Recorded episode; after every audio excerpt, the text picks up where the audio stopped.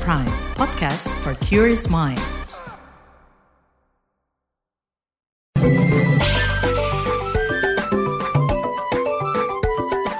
WhatsApp Indonesia.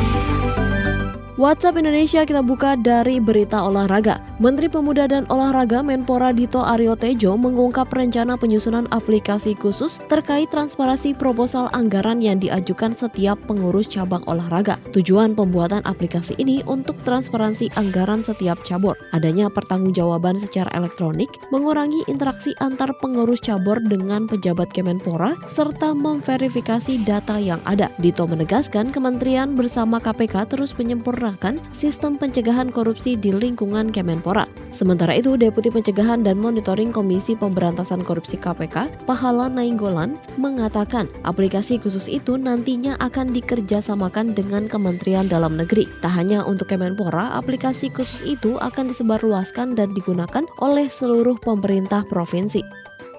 Selanjutnya menuju Semarang, dianggap sukses menjadi pelopor dan pelapor Menteri Pemberdayaan Perempuan dan Perlindungan Anak PPPA, Bintang Puspa Yoga menganugerahi 19 forum anak di Indonesia. Penganugerahan ini diberikan dalam rangka kegiatan Forum Anak Nasional FAN 2023 di Semarang, Jawa Tengah. Bintang mengatakan, anugerah penghargaan data Forum Anak Indonesia DAFA diharapkan mampu mendorong kreativitas, kearifan, dan inovasi forum anak dalam menjalankan perannya sebagai 2P, pelopor dan pelapor, untuk memastikan tercapainya pemenuhan hak dan perlindungan khusus anak serta ketertiban anak dalam proses perencanaan pembangunan.